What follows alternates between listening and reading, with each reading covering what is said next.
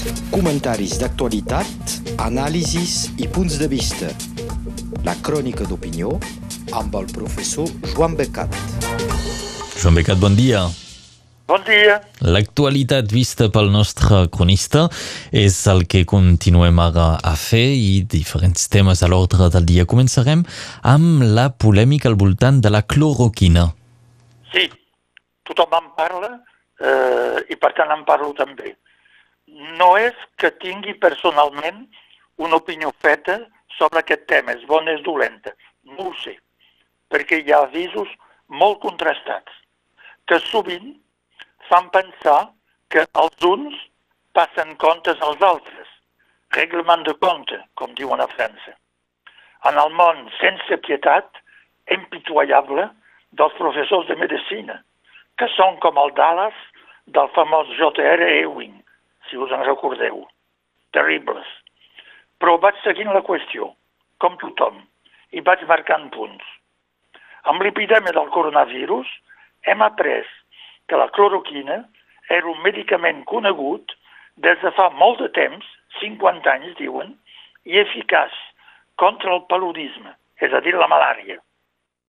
També hem sabut que un derivat seu, l'hidroxicloroquina, s'utilitza ja fa temps a Europa per tractar la poliartritis i algunes al·lèrgies. Per tant, se coneix perfectament aquest medicament, aquesta molècula, els seus efectes positius, que acabi de dir, i les seves contraindicacions. La principal contraindicació és que augmenta els riscos cardíacs per la gent que té el cor fràgil. Això se sap des de fa temps també. Per tant, no se'ls ha de donar a aquest medicament als malalts del cor, ni per la malària ni pel coronavirus. Doncs, no trobo, no trobi lògic que els professors de medicina, oposat al professor marsellès Didier Raoult, retreguin que la cloroquina augmenta la mortalitat per insuficiència cardíaca. La vera ferra. Eh, ja se sap. I per tant no els hi calia donar, ja que se sabia que era una contraindicació. Per tant, per jo, aquest contraargument cau, cosa que no vol dir que la cloroquina és un bon medicament contra el coronavirus. En tot cas, no s'ha utilitzat bé.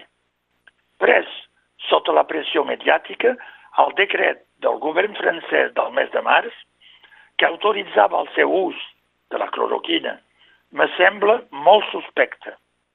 Des de l'inici l'he vist com una trampa, com se'n fan tantes al món universitari. Em puc portar testimoniatge. Constati, primer, que el professor Raül ho recomanava a l'inici de la malaltia. A Barcelona, l'epidemiòleg Oriol Mitjà, especialisme precisament del paludisme i altres malalties tropicals, també el va utilitzar a l'inici per evitar la contagió. Però, curiosament, el ministre de Salut francès, ell mateix metge, només ho va permetre per les formes greus, al final, no a l'inici, gairebé per malalts condemnats pel Covid-19. Evidentment, és lògic que no sigui eficaç, però això no demostra res. Especialment, no demostra que la cloroquina sigui ineficaç. Per comprovar-ho, calia fer proves serioses amb malalts a l'inici de la seva infecció. Que sapigui, no s'ha fet a gran escala. Diumenge, fa dos dies, nos van arribar dues notícies més sobre el tema.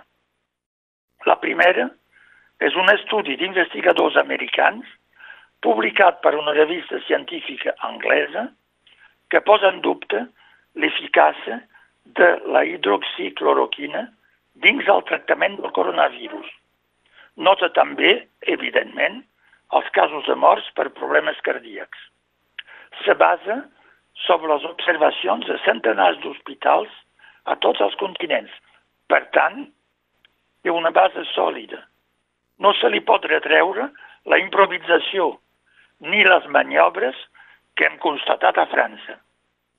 Diumenge mateix, segona, a l'independent que en feia la seva porçada, el ministre francès de la Salut, Olivier Véran, basant-se sobre el, aquest estudi, porta el cas al davant del Consell de la Salut Pública, que diu el mateix i aconsella que s'atregui el decret que l'autoritzava pel coronavirus.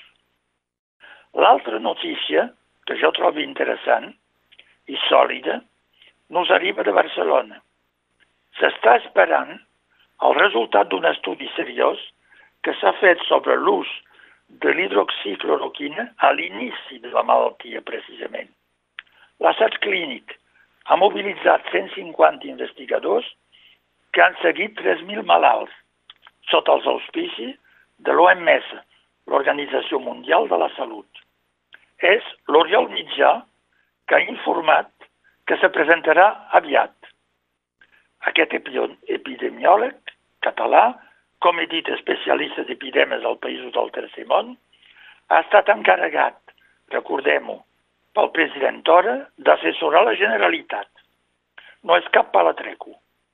Ha estudiat si el tractament per hidroxicloroquina de la gent pròxima d'un malalt amb coronavirus podia reduir el risc de propagació de la infecció.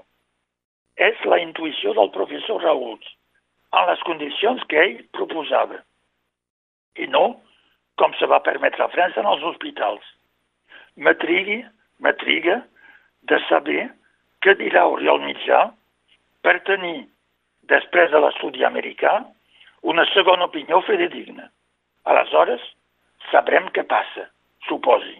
Ara bé, que els perillosos i poderosos guinyols d'en Donald Trump i Jair Bolsonaro diguin que prenen cloroquina no és per jo cap prova ni cap assaig clínic, sinó una nova pantalonada d'aquests dos sinistres individus responsables d'un desastre sanitari al seu país. A quin estem? Doncs sí, aquesta és la situació i seguirem parlant del coronavirus, ara més exactament de turisme i de desconfinament. Sí, eh, és un anexe, diguem, interessant per nosaltres eh, de la continuació. Evo evocàvem, si recordeu, la setmana passada, la importància del turisme pels països catalans de fet, per tots els països mediterranis, França inclosa. I les decisions abruptes de Pedro Sánchez sobre el tancament de les fronteres terrestres espanyoles, que tots els estats d'Europa ho fan ara per ara. La diferència és que alguns diuen que les obriran i d'altres diuen no, no, les tanquem. I no demanàvem, dins el pols que oposava Pedro Sánchez sobre aquest tema a Emmanuel Macron, a veure si ho diré, demanàvem qui baixaria primer els pantalons. Doncs la resposta no ha trigat gaire. És Pedro Sánchez que ha posat el seu cul a l'aire. Ha anunciat que els turistes estrangers seran admesos dins l'estat espanyol a partir de l'1 de juliol. És a dir, com Grècia, havia, eh, hauria pogut ser abans, com a Itàlia, que ho farà el 3 de juny, sense quarantena, però, com aquest senyor de l'acudit que accepta de fregar plats a condició que tingui aigua calenta, doncs Pedro Sánchez ho farà d'obrir, però més tard. Na, que se pensa aquest Macron. Ara bé, és ara el Boris Johnson que fa la guitza al nostre Macron. Pobrissó, tothom se li tira a sobre. Com ho va declarar Pedro Sánchez la setmana passada, ara és el primer ministre anglès que bloqueja la seva frontera i imposa una quarantena a qualsevol persona que entri al Regne Unit. Immediatament, l'Emmanuel Macron ha fet servir la mateixa contraataca que li ha tan reixit amb Espanya. França aplicarà la mateixa mesura per les persones provinents del Regne Unit que vinguin al continent. Com que venen sobretot per França, per vaixell o pel túnel, eh, bloqueja Gran Bretanya. Això pot molestar bastant el Regne Unit perquè, de fet, bloquejarà totalment les relacions a través del túnel sota la mànega, entre Douvres i Calais.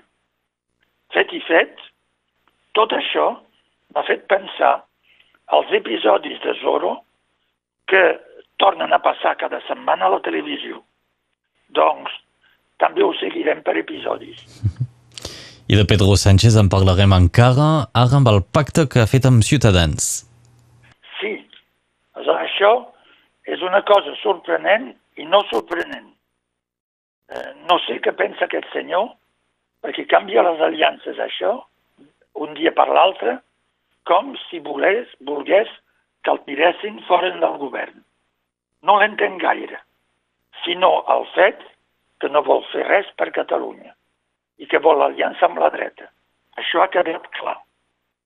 En efecte, davant de la negativa d'Esquerra Republicana que posava condicions la reanimació de la taula de diàleg amb Catalunya, doncs davant aquesta negativa de votar per Pedro Sánchez o d'abstenir-se per la reconducció per 15 dies més de l'estat d'alarma, que recordem dona tots els poders al govern de Madrid i treu competències a les autonomies, doncs, a la Generalitat, al moment on s'ha d'aplicar el desconfinament i on els hi caldria competències, doncs Pedro Sánchez ha buscat altres aliats.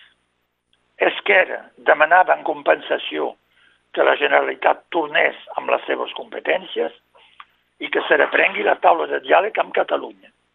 Però Pedro Sánchez se n'ha seguit per una nova pirueta política, una nova eh, americana que, que canvia de, de cantó. Com sempre, ha comprat el vot dels bascos amb més inversions i ha pactat, aquesta és la novetat, amb Ciudadanos, que han acceptat de votar per Pedro Sánchez, l'estat d'alarma, a condició que no se reprengui la taula de diàleg amb Catalunya. Ha seguit a la premsa com els salvadors de la pàtria. Ell i la senyora Arrimadas, tocant-se la mà. Salvadors de la pàtria, la pàtria espanyola, és clar. Això és un doble avantatge momentani per Pedro Sánchez. Perquè, d'una banda, aconsegueix l'acord amb Ciutadanos que volia des de l'inici. Recordareu que l'any passat i al gener, quan va pactar amb Esquerra Republicana, és perquè Ciudadanos havia rebutjat la seva oferta de fer govern junts. Ara els té al costat. Jo trobi que no deixa de ser estrany de veure junts l'esquerra més esquerrana de Podemos amb la dreta dura de Ciudadanos, que governa certs llocs amb Vox. Els extrems se toquen a Espanya. Tot això per salvar la pàtria. Tot s'ho val, uns i altres. No ho entenc ara, sinó el fet que no hi ha dret i esquerra a Espanya eh, quan se tracta de salvar l'Estat. D'altra banda, Pedro Sánchez, segon avantatge, té l'excusa amb Ciutadanos de desfer-se dels compromisos amb Esquerra, que li havien permès de formar govern fa només cinc mesos, ja que Ciutadanos, com he dit, exigeix que no hi hagi diàleg amb Catalunya. El gran argument d'Esquerra Republicana per fer de Pedro Sánchez el cap de govern, recordeu, era la famosa taula de diàleg Generalitat-Estat, que de fet no haurà funcionat mai, primer pel coronavirus i ara per Ciutadanos. Això vol dir, traiem-ne conclusions, que Esquerra s'ha fet passejar, que s'ha fet torrejar. És una cosa que se veia venir. Ja al gener us vaig dir que Pedro Sánchez no tenia paraula, que Pedro Sánchez eh, era un titella.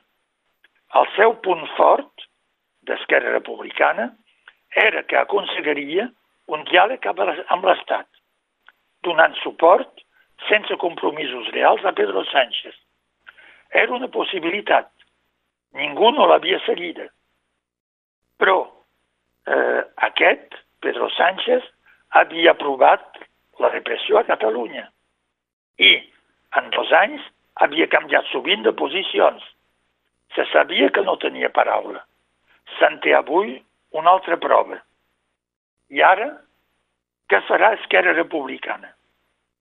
Tornar cap a la línia Puigdemont i vers la independència? Veieu, perquè han reprès discussions entre Junts per Cat i Esquerra, a veure si tornen a fer un front comú. O bé, és que Esquerra se volen passar totes les colobres per cobrar quatre inversions, com els bascos, que després no se compliran, com ja ha passat. És que Esquerra vol jugar avui el trist paper que Esquerra mateix ha retret a Convergència en el passat i no fa encara gaire temps. A veure, ho seguirem. Aquests són els temes marcants de l'actualitat que volia comentar per nosaltres el nostre col·laborador Joan Becat. Moltes gràcies i bon dia. Bon dia a totes i a tots. Comentaris d'actualitat, anàlisis i punts de vista. La crònica d'opinió amb el professor Joan Becat.